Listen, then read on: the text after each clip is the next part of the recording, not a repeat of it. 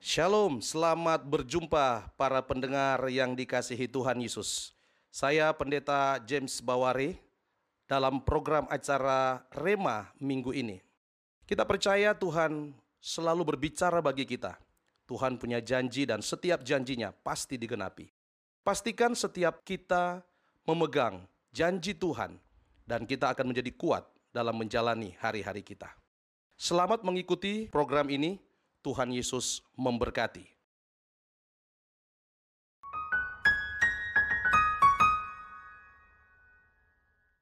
Shalom pemirsa yang dikasihi Tuhan Yesus. Kita bersyukur kita jumpa lagi di dalam program acara Rema minggu ini. Bersyukur karena kita boleh ada sebagaimana ada. Tuhan Yesus baik memberkati dan menolong kita. Mari kita memulai program kita pada hari ini dengan doa. Kita berdoa. Tuhan Yesus terima kasih untuk kebaikan dan anugerahmu bagi kami. Saat ini kami mau merenungkan firman-Mu ya Tuhan. Karena kami percaya firman-Mu itu pelita bagi kaki kami dan terang bagi jalan kami. Tuntun kami Tuhan berjalan dalam kebenaran-Mu. Engkaulah Tuhan Yesus yang kami nanti-nantikan sepanjang hari. Berkati kami umat-Mu Tuhan hari ini. Kemuliaan-Mu Tuhan dinyatakan dalam kami. Jamah setiap kami Tuhan Lewat program ini, semua kami diberkati oleh Tuhan Yesus. Terima kasih Bapa, ajar kami untuk bijaksana menjalani hidup ini. Dalam nama Tuhan Yesus Kristus, kami berdoa dan bersyukur terima kasih. Haleluya. Amin. Puji Tuhan Yesus. Pada kesempatan hari ini Bapak Ibu Saudara yang dikasihi Tuhan, kita akan merenungkan satu kebenaran firman Tuhan dengan tema tegas terhadap dosa. Satu bagian firman Allah di dalam kejadian pasal 3 ayat 15 katakan, Aku akan mengadakan permusuhan antara engkau dan perempuan ini, antara keturunanmu dan keturunannya. Keturunannya akan meremukkan kepalamu, dan engkau akan meremukkan tumitnya. Ini suatu janji Tuhan tentang keselamatan yang Tuhan sediakan bagi manusia saat manusia pertama Adam dan Hawa jatuh ke dalam dosa. Kita mengenal bagian firman ini merupakan nubuatan tentang kedatangan Kristus dan ini merupakan janji pertama kali tentang kedatangan Kristus untuk menyelamatkan kita semua. Dalam kebenaran firman kejadian pasal 3 ayat 15 ini, saya melihat kita bisa mempelajari ada tiga hal penting sehubungan dengan kehidupan kita sebagai orang-orang percaya di hadapan Tuhan, supaya kita menjadi orang yang tegas terhadap dosa. Dikatakan dalam firman ini, permusuhan dengan iblis adalah ketetapan Allah yang tidak dapat dielakkan. Tuhan katakan, "Aku akan mengadakan permusuhan antara engkau dan perempuan ini." Ini merupakan keputusan Tuhan, merupakan ketetapan Tuhan bahwa Tuhan menempatkan kita manusia di hadapan iblis itu sebagai musuh. Ada permusuhan, ada perlawanan yang tidak dapat dielakkan dan ini tidak dapat dijembatani. Permusuhan yang ditetapkan oleh Allah ini, permusuhan yang dibuat atau diadakan Allah ini tidak seorang pun di dunia ini yang dapat menjembataninya. Oleh karena itu, kalau Tuhan berkata bahwa kita ada dalam permusuhan dengan iblis, saudara, permusuhan dengan keturunan-keturunan si jahat itu, maka Tuhan mau agar supaya kita menjadi orang-orang yang tegas dengan posisi ini. Kata Tuhan mengadakan permusuhan, itu lawan dari persahabatan yang diadakan oleh Hawa. Pada waktu di taman itu, Hawa bincang-bincang dengan iblis yang datang uh, memakai ular kita tahu dan kemudian terjadilah saudara keadaan di mana manusia dibujuk, dirayu, ditipu dan kemudian jatuh ke dalam dosa. Persahabatan ternyata membawa kepada keadaan yang membuat manusia jatuh ke dalam dosa. Pada waktu iblis mendekati manusia, iblis tidak bermaksud untuk membawa berkat. Iblis tidak bermaksud untuk membawa kebahagiaan. Tapi iblis mendekati manusia dengan tujuan untuk menghancurkan manusia oleh karena itu firman ini saudara merupakan suatu hal yang Tuhan ingatkan kepada kita. Ingat antara kita dengan iblis itu ada permusuhan. Iblis selalu membenci Anda dan saya dan kita seharusnya juga membenci iblis dan segala perbuatan-perbuatan iblis.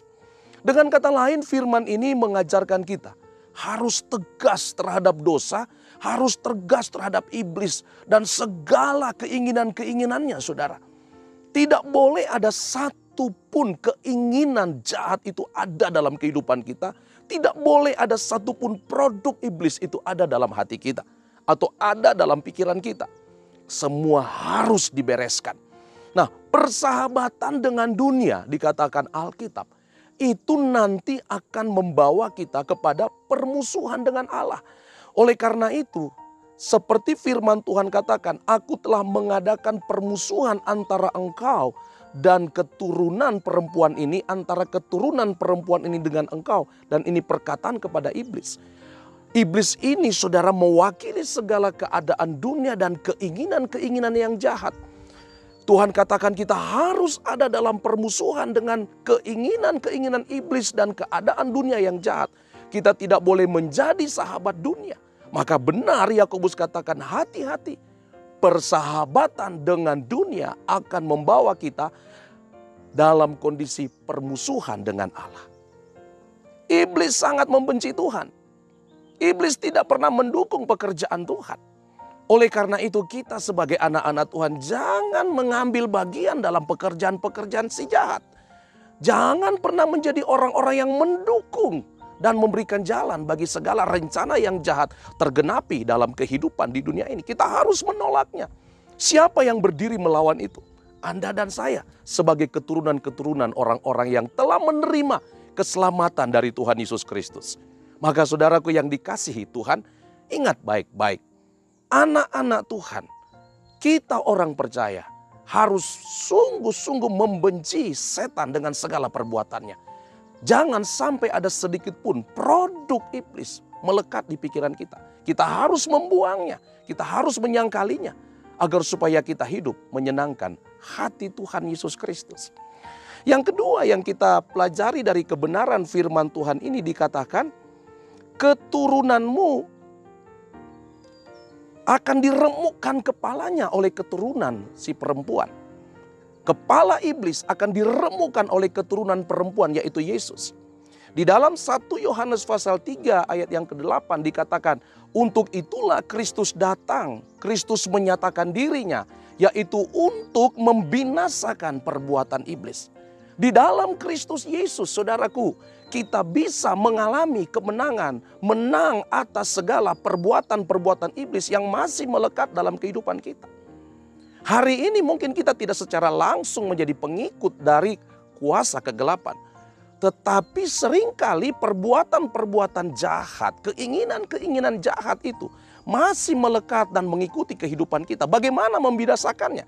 Bagaimana menghancurkannya? Saudaraku yang dikasih Tuhan, Yesuslah satu-satunya pribadi yang dapat menghancurkan kata Alkitab ini, membinasakan segala pekerjaan iblis itu, membinasakan segala pekerjaan dan perbuatan iblis yang ada dalam kehidupan kita. Kita ingat kisah Daud. Daud seorang yang biasa menghadapi Goliat, tetapi seperti inilah yang Tuhan mau. Goliat maju, saudaraku, dan menghadapi Goliat bahkan memenggal kepala Goliat itu sampai mati. Saudaraku yang dikasih Tuhan Yesus Kristus, kita bersyukur Tuhan mau agar supaya Anda dan saya di dalam menghadapi dosa kita tidak memberikan kesempatan sedikit pun uh, dengan kata lain melihat ini seperti Daud memenggal kepala Goliat.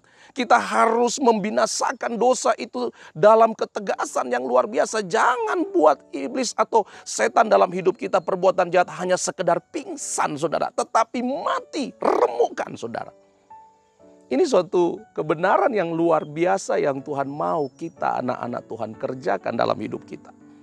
Meremukkan kepala dengan sekali pukulan saudara. Jangan beri kesempatan kepada iblis. Benar Alkitab bilang, Efesus pasal 4 ayat 27. Jangan beri kesempatan kepada iblis. Saat kita membuka peluang sedikit saja, iblis akan masuk mempengaruhi pikiran kita, mempengaruhi hati kita. Sehingga penyembahan kita bukan lagi kepada Tuhan, tapi akan kepada hal-hal yang iblis tawarkan dan akhirnya hidup kita, hati kita berubah, cinta kita kepada Tuhan akan berubah, kasih kita kepada Tuhan akan berubah, kasih kita untuk pelayanan juga akan berubah. Karena itu pemirsa yang dikasihi Tuhan. Tuhan mau agar supaya kita punya ketegasan di dalam menghadapi dosa. Dan secara khusus iblis dengan segala perbuatannya. Matikan setiap keinginan daging yang memberi kesempatan iblis bisa masuk dalam kehidupan kita. Ambil sikap yang tegas. Dan di dalam kebenaran firman Tuhan ini dikatakan lagi, kepala iblis yang sudah diremukan, tapi iblis akan meremukan tumitnya meremukan tumit di sini saudaraku yang dikasih Tuhan. Mengingatkan kepada Anda dan saya bagaimana iblis terus mengintai dan berusaha menghalangi setiap langkah orang yang mau hidup dalam kebenaran. Iblis mau membuat kita menjadi lumpuh dan tidak bergerak. Iblis mau menghambat setiap langkah pelayanan, langkah persekutuan, langkah-langkah hubungan kita dengan Tuhan. Oleh karena itu apa yang harus kita perbuat? awasi setiap langkahmu. Berjalanlah terus di dalam kebenaran dan bertindak hati-hati. Pada waktu Yosua memasuki tanah perjanjian, Yosua memimpin bangsa Israel, Tuhan memberikan kepada Yosua suatu nasihat yang luar biasa. Di dalam Yosua pasal 1 ayat yang ke-8 dikatakan, Janganlah engkau lupa memperkatakan kitab Taurat ini, tetapi renungkanlah itu siang dan malam, supaya engkau bertindak hati-hati sesuai dengan segala yang tertulis di dalamnya. Sebab dengan demikian perjalananmu akan berhasil dan engkau akan beruntung. Bagaimana agar supaya perjalanan hidup rohani kita berhasil? Bagaimana agar supaya perjalanan pelayanan kita bisa berhasil? Bagaimana agar supaya perjalanan kesaksian hidup kita bisa berhasil dan beruntung? Saudara, Alkitab katakan, awasi langkahmu. Hati-hati iblis yang sedang mengintai dan berusaha untuk meremukkan tumit kita. Milikilah kasut kerelaan, saudara. Miliki kasut ketulusan. Miliki kasut kesucian di kaki kita. Agar supaya kita bisa menjadi orang-orang yang menyaksikan kemuliaan Tuhan dalam hidup kita. Kita harus berhati-hati kata Alkitab. Bertindak hati-hati dengan kata lain. Berjalan hati-hati. Melakukan bisnis, melakukan pekerjaan, melakukan hal apa pun dalam hidup kita. Apalagi kita sebagai anak-anak Tuhan di tengah krisis hari-hari ini. Bertindak hati-hati. Jangan cepat tergiur dengan segala tawaran apa pun, karena jangan sampai oleh tawaran-tawaran yang dibuat oleh dunia itu sedang mengintai untuk meremukkan tumit Anda dan saya. Oleh karena itu bertindaklah hati-hati. Berjalan dalam kebenaran, minta roh kudus untuk terus menuntun kehidupan kita. Mazmur pasal 1 ayat 1 berkata, Berbahagialah orang yang tidak berjalan menurut nasihat orang fasik yang tidak berdiri di jalan orang berdosa, dan yang tidak duduk dalam kumpulan pencemooh. Bagian lanjut dari kata Mazmur 1 pasal 1 dikatakan dia akan menjadi seperti pohon yang ditanam di tepi aliran air yang akan menghasilkan buah pada musimnya dan daunnya akan tetap hijau. Saudara yang terkasih dalam Tuhan. Renungan hari ini mengingatkan kita sekali lagi supaya kita menjadi anak-anak Tuhan orang-orang percaya yang tegas terhadap dosa. Jika hari ini Anda sedang dalam pergumulan melepaskan kebiasaan-kebiasaan buruk dalam hidupmu, tidak perlu panik, tidak perlu takut, dan tidak perlu bingung karena ada pribadi yang akan memberikan jalan keluar kepada kita. Yesus datang untuk membinasakan segala perbuatan-perbuatan iblis. Panggil Yesus, izinkan dia mengambil alih seluruh kehidupanmu maka saya yakin kemenangan pasti akan terjadi. Ingat saudara, Yesus Kristus telah mengalahkan iblis dan menjaminkan kemenangan bagi kita. Baiklah kita mengambil sikap yang tegas dan terus berjalan dalam kebenaran dan berada di pihak Kristus.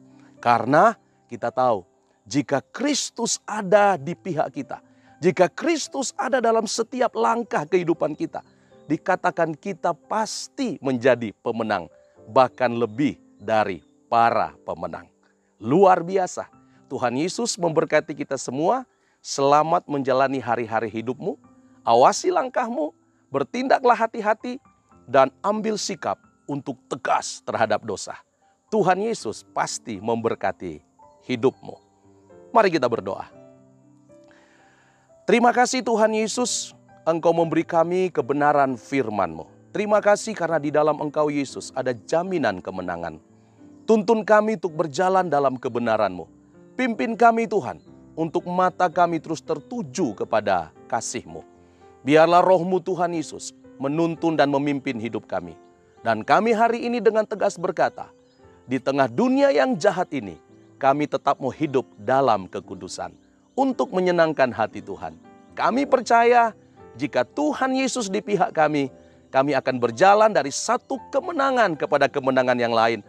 Diberkati dari satu berkat kepada berkat yang lain. Dan hidup kami akan penuh bahagia sukacita. Oleh karena kerajaan Allah, hadirat Allah memenuhi hidup kami. Terima kasih Tuhan Yesus. Terpujilah Engkau dalam nama Tuhan Yesus. Haleluya. Amin. Saudara yang dikasihi Tuhan, terima kasih telah mengikuti renungan pada siang hari ini. Biarlah kita semua diberkati oleh Tuhan, tetap kuat, tetap sehat di dalam Tuhan. Ikuti juga program kami yang ada di Spotify, di channel seperti yang ada saat ini, channel James Baware Remah untuk minggu ini, Anda juga akan diberkati di sana. Tuhan Yesus memberkati kita semua. Shalom.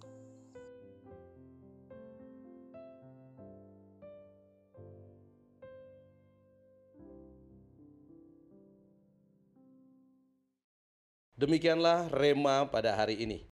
Kiranya rema hari ini memberkati kita semua. Bapak Ibu, para pendengar juga dapat mengikuti setiap khotbah-khotbah kami yang ada di YouTube dan di Instagram dalam channel James Baware. Tuhan Yesus pasti memberkati kita semua. Tuhan Yesus luar biasa. Haleluya.